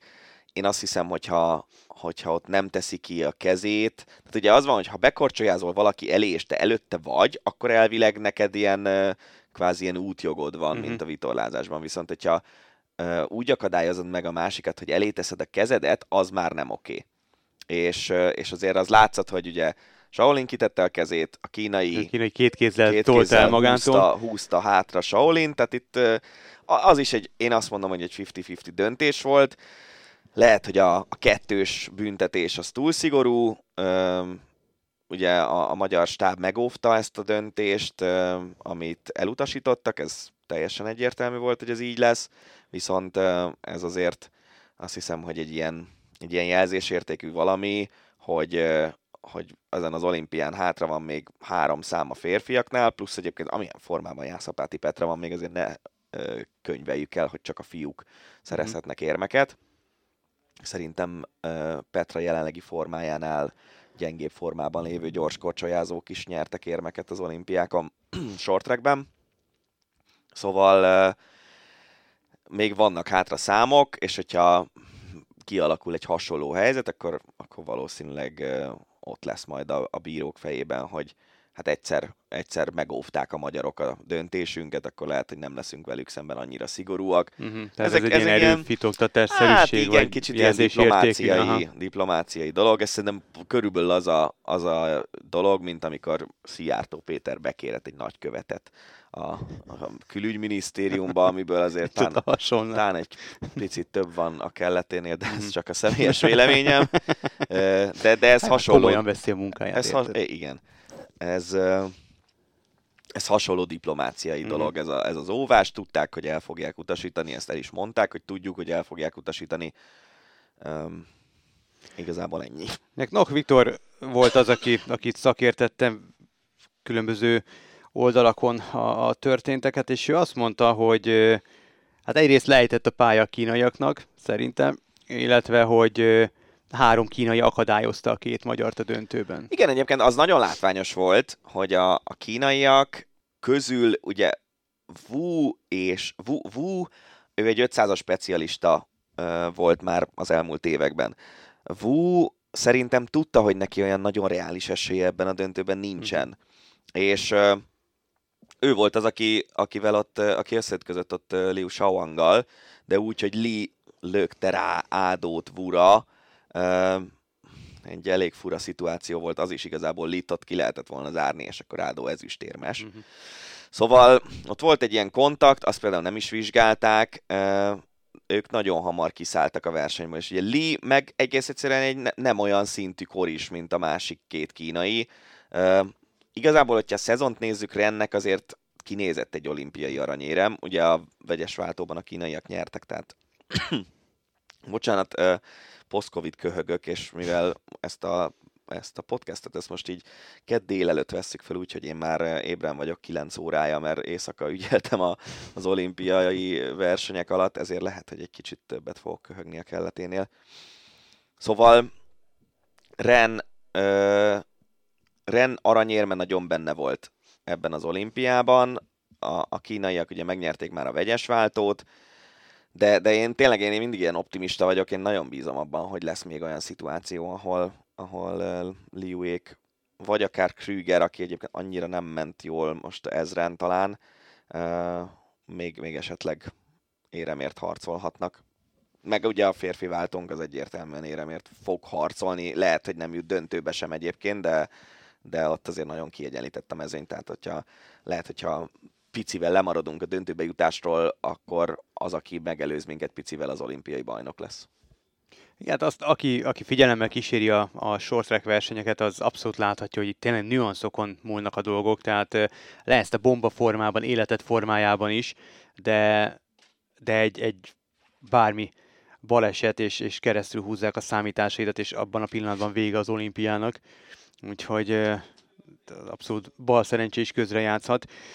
A maradunk még a téli olimpiánál, és természetesen ki fogjuk még ezt bővebben is beszélni, hiszen majd a következő heti adásban azért rá leginkább olimpiai témájú a adást szeretnénk szerkeszteni, de itt az Ácsiban azért mindenképpen emlékezzünk meg Sean White-ról, aki bejelentette, hogy ez lesz pályafutása utolsó téli olimpiája. Hát ö, nagyobb formátumú, nem is csak kifejezetten snowboardos, hanem téli olimpiai sportoló, vagy téli sportolót azért nem nagyon lehet mondani nála, vagy nyilván lehet, de hogy ő is beletartozik ebbe a szűk elitbe. Ugye ötödik olimpiáján szerepel 2006-ban, 10-ben és legutóbb 18-ban aranyérmet nyert félcsőben, és ugye ő, ő gördeszkázik is, az X, X Games-en is nyert Rahedli érmet, meg aranyérmet, tehát egy, egy, tényleg egy igazi legenda, aki most bejelentette, hogy akkor itt a vége, fuss véle. Hát azért minden idők legnagyobb téli sportolója szerintem nem Sean nem, nem, nem, nem azt mondom, de hogy ott van abban az elitben. Tehát az egy, elitben, ilyen, egy ilyen szűk elitben Abszolút. ő abszolút ott van. Igen, és ráadásul ugye, amit ezeknél a sportágaknál szerintem nem szabad figyelmen kívül hagyni, az az, hogy a, a, abban az időszakban, amikor az a sportág ez igazán komoly népszerűségre tett szert, ő abban az időszakban volt a koronázott és koronázatlan királya ennek a sportágnak, tehát tényleg Sean White jelentőségét nem szabad levecsülni egy picit sem, de, de azért a minden idők legnagyobb téli sportolói. Nyilván egyébként nehezen összehasonlítható a dolog, mert ugye ő kevesebb esélye volt neki érmeket, meg aranyérmeket nyernie, mint mondjuk egy Arianna Fontánának, aki a short trackben most éppen ja. tíz éremnél jár már, de azért voltak tízszeres érmesek, meg, meg sokszoros olimpiai bajnokok más sportágakban is, úgyhogy, úgyhogy igen, tehát a legnagyobb téli sportolók közé talán odafér, de hogy a, legnagyobb lenne, azt semmiképp sem mondanám. Na, evezzünk át a Forma 1 mert hogy kötelező lesz idén a koronavírus elleni vakcina felvétel az összes versenyző stábtag, illetve hivatalos közreműködő számára. Nincs kibúvó, Ugye tavaly voltak, akik megpróbáltak okoskodni és ügyeskedni, Most is mint a prémai olyanok. muzsikusok ott a Bundesligában, Bundesliga 2-ben. Biztos, hogy most is lesznek, de a Nemzetközi Automobil Szövetség, az FIA uh, új előírása szerint minden olyan személynek, aki bemehet a pedokba, oltottnak kell lennie. elég érdekes szerintem amúgy ez a döntés. Az, az is egy nagyon érdekes döntés, hogy a világban nagyon úgy tűnik, hogy afelé megy minden, hogy, hogy tök mindegy, hogy te amúgy védett vagy-e. Mert azért lássuk be, hogy most itt az omikronos hullámban szerintem nagyon sokan átesnek ezen a víruson. Akár úgy is, hogy észre sem veszed. Így van, pontosan. Tehát az, az szerintem érdekes, hogy, hogy nem fogadják el a, a védettséget, ami egyébként egy ilyen viszonylag egyszerű teszttel kimutatható, tehát akár azt is meg lehetne csinálni, hogy ö, mikor megérkeznek a verseny helyszínre, vért vesznek, mit tudom én mennyi óra alatt megvan a teszt eredménye, egy biztos vagyok benne egyébként, hogy egy ilyen kihelyezett laborral a Forma egy költségvetésébe azért az talán beleférne. azzal, azzal viszonylag hamar ezt meg lehetne tenni, és akkor azt is le lehetne, mert egyébként meg van olyan, csomó olyan oltott ember van, mint hogy én is két oltás után fél évvel elkaptam a vírust, aki meg elvileg védett, de gyakorlatilag nem. Tehát én szerintem itt a védettség ez fontosabb kéne, hogy legyen, mint az oltottság, de, de hát mindegy, hoztak egy ilyen döntést, aztán ők tudják. Na, evezzünk át az NFL vizeire. Hát elképesztő, hogy mi zajlik oda át, és uh, amikor először megláttam ezt a hírt, akkor még Magyarországon nem hozták le, Twitter vagy Instagram, én már nem tudom, hogy hol találtam, de de bizony el, elcsodálkoztam. A lényeg az, hogy a Miami tulajdonosa Steven Ross le akarta fizetni a Dolphins edzőjét, Brian Flores-t meccsenként 100 000 dollárral, csak hogy veszítsen a csapata. A szakember nem volt hajlandó nyilvánvalóan belemenni, és nem volt hajlandó a tankolásra, és az idény végén menesztették. Ugye őt, amikor felvették, akkor cefet szar volt a, a Miami, és csodával határos módon valahogy mindig ö, relatíve normális ö, mérleggel zárták a, a, az alapszakaszt, meg a bajnokságot. Ugye most is úgy indultak, hogy aztán volt egy ilyen zsinórban hét mérkőzéses győzelmi sorozatuk, miután vesztettek nem tudom Azt mennyit. hiszem, hogy egy hétről lett nyolc hét. Igen, tehát nagyon, nagyon jól játszottak, és nagyon belelendültek, és ez volt így az alaphír, tehát ez, ez, ez jött így ki. Ezzel volt tele a, a Undisputed-től kezdve, Stephen A. Smith-től mindenki ezt, ezt üvöltötte a, a Amerikában, és, és aztán beperelték az NFL-t, beperelték a Miami-t, és állítólag... mint Flores több, Perel. Igen, Flores Perel, de állítólag, fú, nem tudom, hogy a jogi megfogalmazását többen beszállnak ebbe a perbe, többek között a Cleveland Brownsnak a volt edzője, mert hogy ugye kezdenek kihullani a csontvázak a, a szekrényből, és többen jönnek elő hasonló sztorika, hogy bizony őket is presszionálták, hogy öcsém el kéne veszíteni egy pár meccset, hogy tankolni tudjunk, és ö, aztán pont a Clevelandi ex-edző mondta azt, hogy neki, neki 50 ezer dollárt ajánlottak fel. Igen, és emellett meg van egy ilyen rasszizmus jellegű szála is ennek a történetnek, hogy ugye az NFL-ben van egy olyan szabály, amit a Steelers egykori tulajdonosáról Rooney Rule-nak neveznek, hogy ha föl akarsz venni valakit edzőnek, vagy ö, valamilyen vezető menedzseri pozícióba, akkor meg kell hallgatnod legalább egy ö, kisebbségi jelöltet is. Lehet ez egy afroamerikai, vagy egy úgymond in, indián származású, tehát amerikai benszülött ö, ö, származású ember, tök mindegy milyen kisebbség, csak legyen valamilyen kisebbségi jelölt is meghallgatva. Ugye az NFL-ben nagyon sokáig az volt a probléma, hogy a játékosoknak egy nagyon nagy százaléka volt fekete, miközben az edzők szinte csak fehérek voltak. És, és akkor Brian Flores elővett például olyan SMS-eket, amik Bill Belichicktől Hát az származnak, nagyon komoly az a és sztori. Nagyon úgy tűnik, hogy Bill Belichick összekeverte Brian Flores-t, a szintén a stábjához tartozó Brian Dable-lal, és azt mondta, hogy tuti meg fogod kapni a Giants állását, aztán kiderült, hogy Dable-nak szánta ezt a, Gratulált tweetet. neki. Igen, gratulált neki, vagy nem is tweetet, hanem, hanem SMS-t. Szóval nagyon kemény történetek ezek, és, és én azt hiszem, hogy ahhoz, hogy, hogy legyen esélye, ahhoz azért elég komoly bizonyítékokkal kell rendelkezni, hogy egyből komoly bírósági ügy legyen, és hogyha tényleg komoly bizonyítékai vannak Brian Floresnek arra, hogy ezek a dolgok megtörténtek, ez nagyon gáz. Nagyon, és természetesen már mindenki felszólította Miami tulajdonosát, hogy akkor lépjen le, és ez egy tökéletes alkalom arra, hogy, hogy az NFL döntéshozói, a csapat tulajdonosok végre egy afroamerikai származású tulajdonost is beemeljenek, vagy legalábbis lehetőséget adjanak egy ilyen csoportnak, hogy, hogy ők is tulajdonosokká váljanak. Valahogy, valahogy sosincs nyugi az NFL házatáján. Tehát mindig Nincs. van valami. Mindig van valami, a, volt ez az agyrázkodásos balhétól kezdve, tényleg mindig van valami, amivel egy kicsit tudják itt, itt hergelni a népet. Hát és aztán a másik sztori az NFL-el kapcsolatban, ugye Tom Brady bejelentette visszavonulását, amely most már hivatalos, amikor még múlt héten beszélgettünk Budai Zolival, akkor azért még nem feltétlenül, hát sejteni sejteni lehetett, de nem tudtuk hogy biztosra, hogy most visszavonul, vagy nem vonul vissza. Ugye akkor Zoli mondta is, hogy, hogy Brady ezt szerette volna úgy intézni, hogyha egy mód van rá, akkor ő jelenthesse be, és ne pedig a, a sajtó egyik vagy másik munkatársa egy, egy-egy megszellőztetett plegykából kiindulva. A lényeg az, hogy bejelentette Brady a visszavonulását, egy nyilván egy korszakos zseni sokak által az NFL valaha volt legjobbjának titulált játékos vonul vissza, és hát természetesen ezt a visszavonulást sem intézhette igazából nyugiban, mert mindenkinek neki szegezte a kérdést, illetve, illetve azzal szembesítették, hogy hát ugyan a Patriots-ot miért nem említette abban a bizonyos búcsú levélben. A Patriotsot sem, meg Belicsiket sem, szerintem. Na jó, de elköszönt tőlük, érted, amikor átigazolt a másik csapatba. Én ezt értem, de Tehát hát most könyörgöm, hogyha életedben játszottál 22 évet, abból 20 az egyik csapatban, és kettőt a másikban, akkor csak megemlíted azt a búcsú leveletben, ami ráadásul valami 8 oldal volt az Instagramon. Ja. Nem tudom, hogy ennek milyen jelentősége van. Egyébként csomószor azt gondolom, hogy sokkal durvább dolgokat beleképzelünk ezekbe a történetekbe, mint amik valójában vannak. Mm. Tehát lehet, hogy a piárosai írták meg azért ezt a szöveget nagy részt, és nekik mondjuk nem jutott eszükbe, hogy a Patriots-ot Hát akkor jó nagy balfaszok. Igen, nem igazán értenek a munkájukhoz. Ebben egyetértünk, de, de simán lehet, hogy valami ilyen banális dolog Aha. áll a háttérben. Lehet, lehet.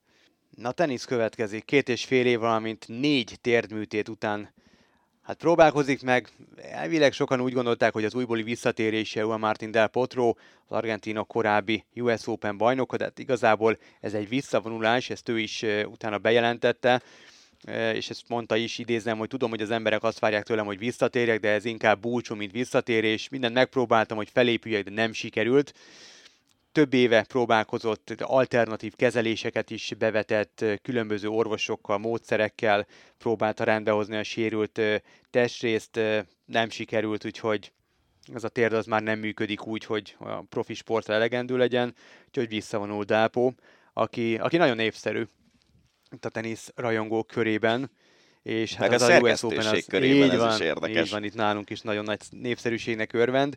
Én is kifejezetten szerettem. A többek között a US Open győzelmének köszönhetően. Úgyhogy sajnálom, mindig, mindig sajnálom, hogyha ha, ha így ér véget egy pályafutás. Tehát ő azért messze nem tudta kifutni azt, ami benne volt.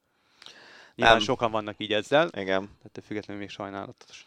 Igen, igen, én is nagyon sajnálom, mert egyébként nekem a, a, az elmúlt évek egyik legmeghatározóbb teniszélménye szerintem az a Del Potro Djokovic meccs volt az olimpián mm-hmm. Rióban, amikor ugye full hazai pályája volt Del Potrónak, megverte Djokovicot egy óriási meccsen, és így Djokovicnak akkor is a, az olimpia hiányzott igazán, meg most is az olimpia hiányzik neki igazán. Szóval, szóval én, én azt a meccset azt nagyon szerettem, az egy olyan csata volt tényleg, és akkor meg túl volt nem tudom hány műtéten, igen. meg mindenféle szörnyűségen, és onnan tért vissza. Szóval, hát igen, sajnáljuk nagyon Del Potrót, hogy, hogy nem tudta kifutni azt, ami benne volt a sérülések miatt. Egyszer majd csinálhatnánk egy ilyen adást, ahol, ahol összeszedjük azokat a sportolókat, akik, akik nem futották ki azt, ami bennük volt, sérülések, vagy, vagy bármi más miatt, mert itt akár a teniszből is lehetne egy csomó olyat mondani. Tomi Ház például én imádtam, és ő sem tudta soha befutni azt, ami valójában benne van. Valamikor mondjuk egy másik klassz is állít meg ebben, tehát mondjuk Tomi Ház sokszor belefutott mondjuk Federerbe, Igen. ugyanez Rodik, aki szintén sokkal többet elérhetett volna, ha nincs Federer. Ez mondjuk de a, hát, ez, ez a lista azért viszonylag hosszú, az emberek, akik sokkal többet elérhetnek volna, hogyha nincs Federer. Igen. Hát, hogyha belegondolsz, hogy Nadal tartana, nem tudom, 30-nál, vagy nem, nem tudom hány Grand Slamnél, hogyha nincs Federer. Ja, ja. Szóval azért... Hát, de az is érdekes, hogy Federer hánynál, ha nincsen Nadal. Hát persze. Szóval persze. Ez, ez egy érdekes téma. De maradunk a tenisznél, mert ugye a műsor elején beszélgettünk Köves Gábor ex Davis Kupa kapitányjal, és hát időhiány miatt nem igazán jutott lehetőségünk arra, hogy kibeszéljük ezt az egész Covid botrányt, viszont azt mindenféleképpen el szeretném mondani, hogy semmi köze nem volt a, ennek a Gábor menesztéséhez Igen. az ég a világon. A hír az úgy szól, hogy hamis PCR-tesztek eh, miatt iszonyatos Covid botrány dagad ugye az MTS-en belül, Magyar Tenisz Szövetségen belül. A 24.hu írt arról, hogy birtokukba jutott, eh, vagy került egy levél, amely kiindulva úgy tűnik, hogy ipari szinten hamisították a negatív PCR-tesztről szóló igazolásokat. A, és van egy olyan, egy fejléces papír is, szintén a 24.hu birtokában, amelyben Marosi Katalin válogatott koordinátor, korábbi teniszező, egy 2021-ben kelt ez a levél, arról értesíti a válogatott teniszezőket, illetve szülőket, hogy egy európai versenyhez szükség van PCR-tesztre a gyerekek számára, és akkor itt innentől az idézet, hogy ezt most úgy tudjuk megoldani, hogy átkülditek nekem a következő adatokat, és az orvosunk kiállítja a leletet, és egy ilyen smiley. A tesztet megúszszák a gyerekek. Ez az, amit, amikor kiderült a Djokovicos sztori, amit mondtam, hogy itt Európának ezen részén ez megtörténik. Nyilván, hogy most miről van szó pontosan, az egy dolog, ugye azt mondta nekünk Gábor egyébként adáson kívül, hogy, hogy olyan embereknek is kiállítottak teszteket, akiknek egyébként nem volt rá szükségük a beutazáshoz, de volt olyan a Davis kupás stábban, akinek kellett.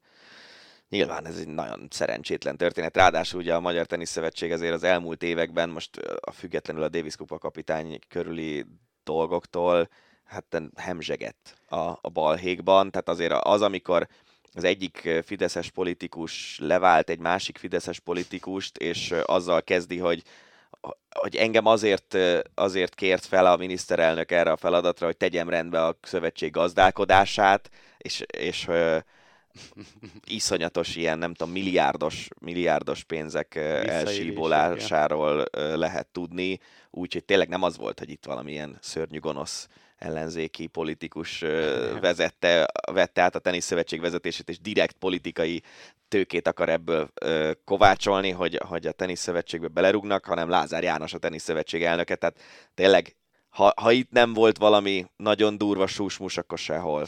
És, ö, és ö, én azt gondolom, hogy, hogy ö, egy ilyen közelmúltal rendelkező szövetségnek nem kéne ilyen sztorikba belemenni. Amúgy se kéne ilyen sztorikba belemenni, de így aztán végképp nem. Ki hitte volna, hogy párhuzamot lehet vonni az NFL és a Magyar Tenisz Szövetség között? A- Az, szerintem amúgy, de mostanában bármivel tudsz párhuzamot vonni. Az, azt mondd meg, hogy a, a Cavs az hogy jön ebbe a történetbe be, mert általában Hát ebbe a az szokott lenni, hogy nem, de... mit mondtál most? Hát, hogy a Barcelona és a Cleveland Cavaliers Ja, között tényleg. micsoda párhuzam Tényleg. van. Ugye egy előre lesajnált csapat, mind a kettő, a Cavs közben szárnyal az NBA-ben, és sokan itt a keleti hát ha nem is a bajnokot, de hogy, hogy a keleti elődöntő egyik részvevőjét látják benne, és hát a Barcelona pedig ugyanúgy egy lesajnált Csikó csapat, amely most agyonverte az Atletico Madridot, és ki tudja, lehet, hogy, hogy pont ezzel a győzelemmel valahogy megindul a szekér, de nyilván ez így vicc, de hát azért minden viccnek van valamiféle valóságtartalma, ugye ezt nagyon jól tudjuk. Igen. Na, a foci, mert ott mindig történnek érdekes dolgok. Kedvenc főszereplőt Cristiano Ronaldo, ugye nincs, nem maradhat el, vagy nem, nem, nem lehet Ácsi Ronaldo nélkül. A PSG elengedi a hírek szerint Pochettino mester Manchesterbe, hogy átvegye a United irányítását egy feltétellel, C. Ronaldot kérik cserébe. Hát az csodálatos lenne. Ronaldo és Messi egy csapatban.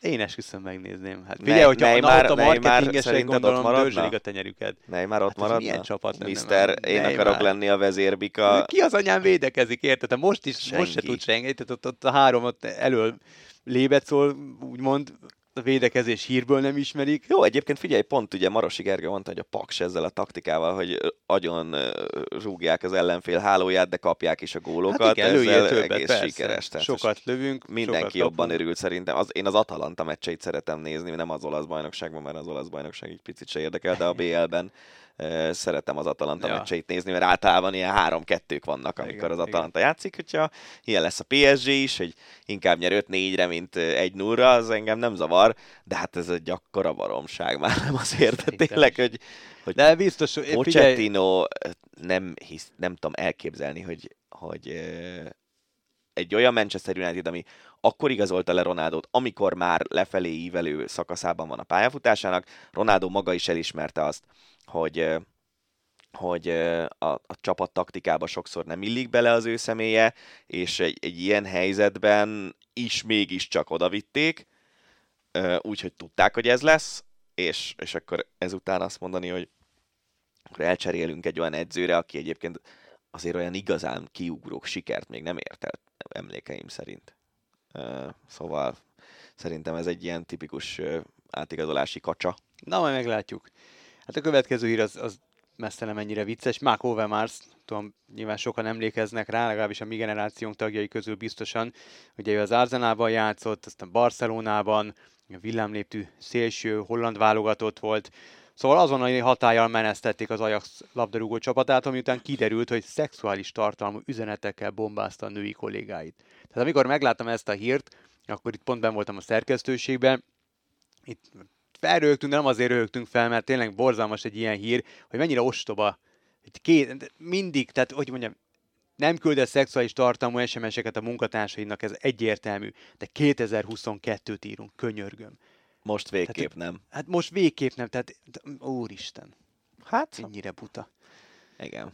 De egyébként én, én azt nem annyira bánom. E- e- Azért megint Már mit nem bánsz? nem, nem bánom azt, hogy ezek a sztorik kiderülnek, Ja, és, ne, és ezek nem, az sőt. emberek le lesznek mondatva, de azért kíváncsi lennék, hogy mi az a szexuális jellegű tartalom. Tehát szerintem ebben is vannak skálák, és vannak Biztos, szintek. hogy vannak. Most, hogyha bizt- nem tudom, persze. megírod a kolléganődnek, hogy fú, de jól nézel ki ebben a ruhában, most ez attól is függ a helyzet nyilván, hogy te amúgy párkapcsolatban vagy vagy nem, de például ott van Jaromir Jágr, a Mhm. hoki legenda, akit azt hiszem 40 valahány évesen egy, egy nő be akart cserkészni, nem tudom, emlékszel erre a történetre, hogy összejöttek valami buliban, de úgy, hogy a csaj nyomult rá Mhm. Jágörre, és az volt a célja, hogy, hogy bizonyítékokat gyűjt az együttlét alatt arra, hogy, hogy ő Jágörrel együtt volt, és majd zsarolja jó pénzért. És Jágör mondta, hogy miért fizetnék azért, hogy ezt eltitkoljam, mert büszke lehetek arra, hogy 40 valány évesen egy 20 éves csajjal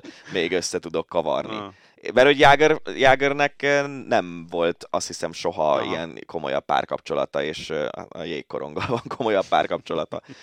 De az biztos, hogy ebben a pillanatban nem volt házas, meg ilyesmi, tehát mm. nem volt az ő személyére nézve terhelő az, hogy, hogy ő lefeküdt egy, egy sokkal fiatalabb mm. nővel.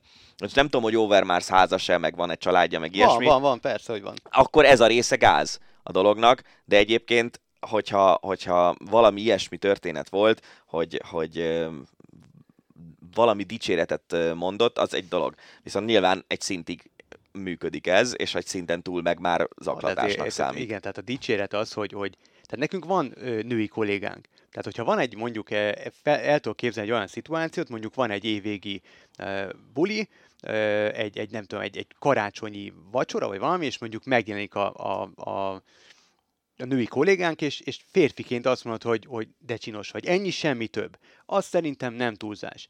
De mondjuk a női kollégáimnak és nem csak azért, mert házas vagyok, vagy családom van, nem küldök SMS-eket még annyit sem, hogy nem, de jól nézem ma ki. Hát, hogy... E, igen, nem, nem, nem. Mert, Szerintem mert... is az, az korrekt, hogyha, hogyha valaki csinosan föl van öltözve, vagy ilyesmi, akkor arra teszel egy, egy ilyen dicsérő megjegyzést, azzal nincsen baj, de, de lehet, hogy az írásban már inkább ilyen kicsit creepy, mint, hát mint ja, dicsérő. Persze, és persze. főleg, hogyha ennél a színnél magasabb szintű dologról van szó, amiről valószínűleg ja. szó van, mert ugye nem igen, tudjuk a részleteket, igen, igen. azért valószínűleg egy ilyen jól néztél ma ki üzenet, az nem került volna az állásába Overmarsnak, akkor meg aztán végképp érthetetlen tényleg, hogy, hogy a MeToo érában ilyen hülyeséget csináljon valaki és a legenda státuszát így dobja a kukába azzal a lendülettel. Hát, szerintem egyébként a közönség egy jelentős része az nem feltétlenül nem feltétlenül lesz kisebb focista hmm. Overmars attól, hogy 15 évvel később ő mit csinál a telefonjában. Szerintem. De mindegy. Ez, ez, ez megint egyéni ízléskérdés. Na, emlékszel te a féregre? hogy ne? Dennis Rodmanre? Ugye Chicago Bulls, illetve a Detroit Pistons legendás játékosa meg játszott egy Rahedli más csapatban, NBA kosaras legenda. 19 éves lánya Trinity Rodman lett az amerikai női labdarúgó liga történetének legjobban fizetett játékosa. Meghosszabbították a szerződését a héten, Washington Spiritnél játszik, 4 éves 1,1 millió dolláros szerződést vésett alá, az évi 281 ezer dolláros fizetés, megelőzi a rangsorban az olimpiai is kétszeres VB aranyérmes Alex Morgant, illetve a szintén világ és olimpiai bajnok Megan Rapinoe is, ők 250 ezer dollárt keresnek. Az a baj, hogy itt megint kevés infónk van, hogy itt azért a, a, a média figyelemért fizetnek ennyit ennek a lánynak. Nagyon tehetséges focista. Ha nagyon tehetséges focista, az tök jó. Akkor reméljük, hogy nem, nem olyan útra téved, mint az édesapja, aki azért... reméljük, hogy igen. Nem, hiszem, nem, nem lehet rá azt mondani szerintem, hogy tökéletes profiként viselkedte végig a pályafutását. Nem, nem, nem mondhatni. Zseniális, attól függetlenül nagyon vicces. Az egyébként, ha, ha egy csapat ilyen okosan egy, egy várhatóan még sokat fejlődő tehetséget fizet meg, azt szerintem egy jó csapatépítési stratégia alapvetően. Na és akkor maradunk a dollármillióknál, 45 millió dollárért szeretne játékos vásárolni a Real Madrid. Mondjuk ennek a csapatnak az esetében ez, ez abszolút nem meglepő, ez az összeg meg igazából kvázi fillérek. Hát a, hát ez az, hogy itt Madrid, tartunk. Igen, tehát a Madrid esetében. Viszont ezt az összeget egy 15 éves csatár tehetségre szánnák, aki a Palmeiras játékosa és hát nyilván a United, a Chelsea, a Liverpool és a Barca is akarja, és hát sietniük kell, mert első profi szerződésével állítólag belekerülhet egy záradék, miszerint csak 100 millióért válthat klubot. Én nem ismerem ezt a játékost, talán e- Egri Viktor biztos, hogy ismeri, ugye ő, ő nagy brazil foci drukker, szurker, meg, meg egyáltalán abszolút otthon van a, a brazil labdarúgásban. Tehát 45 millió dollárt költeni egy 15 éves srácra, elég jól játszhat. Hát meg főleg az, hogy nyilván egy elég magas fizetés is kell, mert a 45 milliót azt a, azt a Palmeirasnak fizetné ki, a, akár ki is akarja leigazolni ezt a srácot. Szóval elég sok fizetés is, fizetést is kell neki ajánlani, és könnyen elképzelhető, hogy mondjuk kötsz vele egy 5 éves szerződést, és mire igazán befutna, akár szabadon eligazolhat. Szóval ez azért egy elég kockázatos befektetésnek tűnik nekem így első ránézésre. Egy érdekes hír, a Manchester United a főszereplője az elmúlt évtizedben ez a csapat bukta az átigazolások során a legnagyobbat. A közel, sőt több mint másfél milliárd eurót költött a keret megerősítésére, miközben csak 470 milliót kasszírozott a játékosok eladásából. Hát itt például Popokba az egyik olyan játékos, akin irgalmatlan összeget bukik, mert hogy megvették több mint 100 millió euróért, és nyáron szépen úgy fog elköszönni az Old Traffordtól, hogy egy büdös vasat nem kapnak érte. Ráadásul nem is játszott jól igazából a United beli szerepvállalása során. Hát ez, ez, meg, az, ez meg a buta csapatépítés, de szerintem a United Ez Manchesterben is... szerintem egy betegség, ma a City a második. Á, igen, de a City azért elég komoly sikereket vásárolt össze az ezzel a rengeteg tény. pénzzel. A United meg elég, nem is tudom mi, 80-as évek óta nem volt ennyire rossz periódusa. Igen, a Cityban az a jó, hogy ott, ott jó, tehát ott, ott nem jó, de hogy, hogy ott van igazából két sor.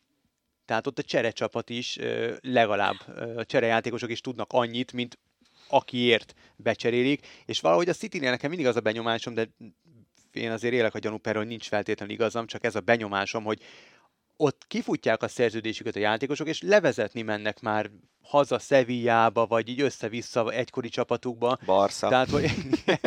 igen. Szóval, hogy... Jó, most azért Ferran Torres egy fiatal, az tény, de az tény. Aguero-ra gondoltam. Hát igen, szegény. Szóval, ja, valahogy ott, ott lehet, hogy sokat költ a City, de, de valahogy észszerűbb az egész Hát szerintem nem észszerű az sem. A játékos politika az igen, az, hogy mennyi pénz megy el erre, ja, az, az, az annyira nem. nem ezek de... a csapatoknak köszönhető, hogy az égbe szöktek az átigazolási díjak. Igen, de ugye beszéltük, egy, nem tudom, egy-két hónappal ezelőtt volt, hogy a United kirúgta a sportigazgatóját, hát szerintem ez a, lehet, hogy kiszámolták a tulajdonosok, hogy jé, egy milliárd veszteségünk van az elmúlt x évben, és közben nem nyertünk semmit, úgyhogy ja. akkor szevasz tavasz. Viszont a, a marketingesek ügyesek lehetnek, mert megint sikerült megkötniük egy ilyen komoly összeget a, a MESZ szponzorációval kapcsolatban. 20 millió dolláros szponzorszerződést kötöttek a Tezos nevű blockchain platformmal. Fogalmam nincs, hogy ez mit akar igazából. Én kaptam egy üzenetet egy kerékpárrajongótól, amiben elmagyaráz, elpróbálja magyarázni, inkább így mondom, a blockchain működését. Nem mondom, hogy teljes mértékben felfogtam. Na. Uh, majd, majd megmutatom de nem most fogjuk itt nekiállni. Két a blockchain, ez hülye ember elmagyarázni, hogy mi ez a blockchain. Viszont sok Szerintem ez a 20 millió euró vagy, vagy font, gondolom, ez nem egy akkora összeg, én úgy tudom. Tehát hát a... ez évenke azért. Igen, igen, igen, de hogy, de hogy az igazán kiemelkedő csapatok szerintem ennél több pénzért értékesítik a mezüket. Nem, ez rekord, az egyik rekord, az 15 volt az, az Eonnal. Az, az lehet, hogy angol rekord, nem tudom, de a Barca tudom, hogy már évekkel ezelőtt 25 millióért adta el a, a Qatar Airways-nek a, a MESZ mhm. felületét mm. szerintem, és a rák után szerintem lehet, még ennél is Aha. többet fizet. Akkor lehet, hogy ez, ez Premier Ligás rekord. Ezen nem veszünk össze. Még maradunk a Premier Ligánál, Dele Allit leigazolta az Everton. Én ennek kifejezetten örülök, mert őt én szeretem, mint játékost. A spurs meg kevésbé. A, és az első edzésére egy Rolls royce ment, ez az autója, és, és bírálták, mert hogy az Everton ugye a, hát az munkás, a, a munkás osztályhoz tartoztak a szurkolók, de könyörgöm tehát, hogy most érted, mivel menje Trabanttal? Tehát, hogy érted, ne, megkeresek egy rahedli de... pénzt, nem tudom hány éve profi, nem az van, hogy minden héten feltételezem, hogy, hogy minden héten cserégeti az autóját, hogy baszki, Rolls royce van, ezt Zsuzsák esetében sem értettem. Tehát, hogy nem kölcsön kérte, nem kölcsönből vette, nem lopta, megdolgozott érte, az egy dolog, hogy, hogy azon lehet vitatkozni, most ére egy fotista annyit, hogy ennyi fizetést kapjon, de hát a piac határozza meg ezeket az összegeket, kapott, hát akkor már miért nem költheti el egy Rolls Royce? Tehát ez egy gyerekkori álma, hát én is vennék egy nyomorult Rolls Royce, amik az pont nem, de Szerintem mindegy. Az nem mindegy, ebben a sztoriban, hogy te egy 100 milliós autóval jelensz meg az első edzéseden, de ha az a kocsid. Vagy pedig egy 20 milliós, 30 milliós, ami szintén egy luxusautó. Én, én, én, én értem ezt a dolgot, lehet, hogy azért, mert én angyalföldi gyerek vagyok. és... Na, tökönbe hagyjál már végén, persze. Nem, de tényleg figyelj, én voltam egy pár vasas meccsen, és ott tényleg azok az emberek járnak oda, akik nem tudom hány éve vasas szurkolók, generációról generációra megy le a vasas iránti szeretet, ö, ö, ugye van egy olyan rész az új stadionban, ahol ilyen apák-fiák rész, ahol ö, vasas szurkolók leírták, hogy mikor jártak először a, a Fáj utcában, meg ilyesmi, tehát hogy ezek, ezek hagyományos dolgok, és én értem azt, hogy amikor az angol munkásosztály csapatának az új játékosa egy 100 milliós autóval jelenik meg, az nem néz ki jól. Én ezt akkor se értem. Jó, hát De de- de- mindegy. nem néz ki jól. Hát, Figyelj, mindegy. egyébként meg akinek van pénze uh, Rolls-Royce-ra, annak uh, lehet, egy lehet sétáló autója, vagy ilyen vicces autója. Nem, de az első megjelenés az tök fontos, és ezt te is jól tudod. De Valamelyik, nem tudom, talán egy City játékos volt? Nem, nem tudom, de hát ha aki hallgat bennünket, így a, a hallgatóink közül tudják, és, és megírják nekünk Twitteren, vagy bárhol. Uh, én, a, én úgy emlékszem, hogy egy City játékos uh, az, aki, aki abszolút szarik ezekre a világi dolgokra, és egy ilyen teljesen hétköznapi autóval jár, nem tudom, hogy Mini Morissa, vagy valami hasonlóval, nem tudom. Szerintem Um, valamelyik afrikai, Lehet, lehet, hogy Kanté, nem tudom. nem Mané. Szerintem Mané. Mané, Szerintem Mané, és Mané hallottam ilyet is, hogy akkor hogy, hogy, de lehet, hogy nem ugyanarról beszélünk, de volt, ne- nekem Mané rémlik egy olyan sztorival, hogy be volt törve az iPhone-jának a képernyője, és mondták neki, hogy miért nem veszel egy újat, Mm. hát ugye ez nekik fillér, és és akkor a, a Mané meg azt mondta, hogy minek vegyek újak, tudom használni, Aha. ö, nincs ezzel semmi baj, és egyébként meg ö, Afrikában éheznek. Tehát, hogy körülbelül ez volt, jó. nem, nem szó szerint ezt mondta, de hogy, de hogy én minek költsem fölöslegesen a pénzemet, miközben egy csomó embernek tudok segíteni Mhm. abból a pénzből, aminek, amiből vennék egy új iPhone-t. Üm, szóval, ja, de nyilván én sem hiszem, hogy keresztre kéne feszíteni egy ilyenért, de szerintem főleg, hogyha te meg akarod magad kedveltetni egy közönséggel, és akkor megint visszatérhetünk a Kyrie Irving franchise playere témához is. Tehát tényleg, hogyha Dele Ali az Evertonnak a klub legendája szeretne lenni, akkor odafigyel arra, hogy egy munkásklub ö, első edzésére nem egy rolls megy. Mhm. Szerintem. Na, majd meglátjuk. Beül egy taxiba, és oda, oda megy. Mit Hát, hogy lőjön 20 gólokat, adjon gólpaszt, és, és jótékonykodjon. Tehát Jó, igen, e, e, e, így is meg lehet magát szeretetni valakinek, de szerintem ez- ezek a, ezek a külsőségek azért tényleg fontosak. Gondolj bele, hogy nem tudom, keres valaki 1000-1500 font között, és akkor egy ilyen 100 ezer, vagy nem tudom, 200 ezer fontos autóval megjelenik valaki. Ja, értem is, meg nem is. A hétfő reggel döntöttek arról, hogy máj, a májusra tervezett és amúgy elhalasztott Fukuokai világbajnokság, vizes világbajnokság helyett Magyarország lesz a beugró. Versenyt júni 18-a és júli 3-a között rendezik, és nem csak Budapesten, tehát ö, nem várható őrült nagy építkezés. Ennek lehet, hogy sokan nem Ne örülnek. jelentsd ki ezt szerintem így Um, explicit.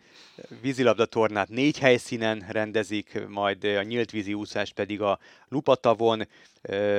Nem lesz amúgy extra lelátó a, a Duna arénában, meg, meg vannak még olyan kikötései a szövetségnek, hogy ilyen meg olyan extra költséget nem vállalnak. Hát, hogyha a sportolók és a szurkolókból indulok ki, akkor ez egy tök jó döntés, nem maradjanak el világbajnokságok, ha egy mód van rá, mert nyilván itt azért karrierek sínlik meg ezeket, úgyhogy tök, végülis tök jó. Én azon lepődtem meg, hogy nem mondták azt, hogy az új kézi csarnokban rendezik az úszást, mert ott szerintem nem nagyon sok pénzért lehet átalakítani mindenféle sportá, sportágra alkalmassá azt a csarnokot. Mhm. Tudtommal, legalábbis elvileg ugye ezt így, így harangozták be, Mhm. és mint ahogy például a, ott a Palau San Jordi Barcelonában, ahol rendeztek már úszó világbajnokságot, kézilabda világbajnokságot, kosárlabda, azt hiszem az is VB volt, ugye vagy olimpiát. Most az olimpián a curlinget Igen, a, igen, igen, igen, igen, rendezik. igen, igen. Ott se az volt, hogy ott volt a medence tizenvalány évig, és akkor megfagyasztották gyorsan az olimpia előtt benne a vizet. Szóval ja. ezek a multifunkciós csarnokok, ezek erre jók, és ugye a Duna arénával az a gond, hogy ott a mobil lelátók visszabontása után egy viszonylag alacsony, ilyen 5000-es ö, ö, nézőtér maradt, amiből ráadásul egy csomót el fog vinni a nemzetközi sajtó, mert az biztos, hogy Magyarországra a nemzetközi sajtó nagy számban jöhet majd, Persze. és, és, és így lehet, hogy elég kevesen látják mondjuk a helyszínen ezeket a versenyeket. Hát és ugye erről beszéltünk korábban, anélkül, hogy tudnánk, csak sejtjük, de azért valószínűleg van rá, inkább azt mondom, van rá esély, hogy ez lesz ott Szukatinka utolsó világbajnoksága. Tehát nyilván a rajongók, nagyszámú rajongók szeretnék majd egyrészt látni, másrészt meg talán elbúcsúztatni. Na mindegy, meglátjuk, hogy, hogy hogy lesz, mint lesz. Minden esetre a hír az jó, legalább nem marad el egy ilyen rangos esemény. Igen, és a magyar sportolók közül ugye az úszók is sokan megszólaltak, meg Takács Marci az elmúlt hetekben nagyon sok vízilabdázóval beszélgetett erről, és mindenki ki volt akadva, hogy főleg a bizonytalanságon. Mm, persze, és persze. már azóta is megszólalt több vízilabdázó, hogy az nem normális, hogy egyik héten azt mondják, hogy nem lesz idén VB, és aztán tíz nap múlva kiderül, hogy mégis lesz egy olyan időpontban, amiben elvileg BL Final 8-et kéne játszani. Szóval nagyon zsúfolt lesz ez a nyára a sportolóknak, főleg a vízilabdázóknak, akiknek ugye a szezon is eléggé, eléggé hosszú. És akkor megpróbálom minden hétre egy ilyen tipikus igazi feel good sztorit hozni. Az, az kinek feel good? Az eheti. Hát szerintem ez, ez óriási. Uh... Hát, mint jó, a jótékony része az igen, de hogy ő nem fogja jól érezni magát a száz darab maratoni ja, lefutásától, nem, hát az ez biztos. példaértékű szerintem. Tehát az, hogy, hogy ebből, ebből azért nagyon sokat lehet szerintem meríteni, meg, meg a kitartás, a, a, a versenyszellem, az eltökéltség, a, nem tudom, a, a harcosság, tehát ezek, nem tudom, ezek, ezek, ennek nagyon komoly üzenete van, de akkor térjünk rá a konkrét híre. A 46 esztendős Jackie Hunt Brösma e, egyedülálló kihívásba kezd, 100 egymást követő napon futna maratonit, és hát ebben a legnagyobb pláne az, hogy nagyjából 20 éve rákbetegség miatt térd alatt amputálták az egyik lábát. Úgyhogy az amerikai hölgy a 2016-ban kezdett el futni, ő lett az első amputált lábú sportoló, aki 100 mérföldet futott futópadon, 28 órán belül, most már 18. napnál jár a kihívásban, hogy 100 egymás követő napon tegye meg ugye ezt a több mint 42 kilométert. Szerintem ez, ez tényleg egy ilyen nagyon irreális, nagyon-nagyon irreális uh, igénybevétel. Hát Tehát még egy itt... épp, épp is. Igen, és, így, és igen. nem is tudom, hogy a, arról van infót, hogy milyen időket fut egy-egy maratonira? Nincs. Hát gondolom, hogy ez ilyen négy óra környéke lehet, vagy még lehet, hogy annál is lassabban. És azért ez olyan, mint hogyha uh, le, lefutnál mondjuk, mit tudom én, egymás után öt Giro d'Italiát, vagy Tour de France-ot. Tehát azért az, vagy letekernél nyilván, úgy értem. De ez, ez nagyon súlyos. És azért mondtam ezt, hogy kinek feel good, mert ja, ő, ő, nem, fogja, ő nem fogja magát jól érezni a végére, az garantálom. A végén biztos. Közben a legvégén nem, igen, a legvégén de közben nem. Igen. De közben nem. Hát drukkolunk, hogy igen. sikerüljön neki az, amit, amit eltervezett. Hát ennyi volt erre a hétre az Ácsi. Ezeket a híreket gondoltuk, hogy megosztjuk veletek és, és kommentáljuk. Jövő héten is jelentkezünk részben olimpiai hírekkel, meg hát amit találunk, illetve hogyha találtok ti olyat, ami, ami benneteket érdekelne, és és amiről szeretnétek hallani a véleményünket, akkor azt osztátok meg velünk, juttassátok el hozzánk, és megint emlékeztetnénk az egyik kedves hallgatónkat, hogy nem felejtettük el azt az olimpiai járadékos történetet, rajta vagyunk az ügyön, és szeretnénk egy, egy hosszabb beszélgetést a, azzal kapcsolatban, mert úgy gondoljuk, hogy az a téma az, az nem egy ácsit érne meg, hanem sokkal inkább egy, egy, egy hosszú beszélgetést, majd konkrétan a podcastben. Úgyhogy ennyi volt mára, köszönjük, hogy meghallgattátok, vagy meghallgatjátok a leheti kiadást, Rév Danit és Farkasvölgyi Gábort hallottátok. Sziasztok! Ez volt a Hosszabbítás, az Eurosport podcastje. A műsor témáiról bővebben is olvashattok honlapunkon az eurosport.hu.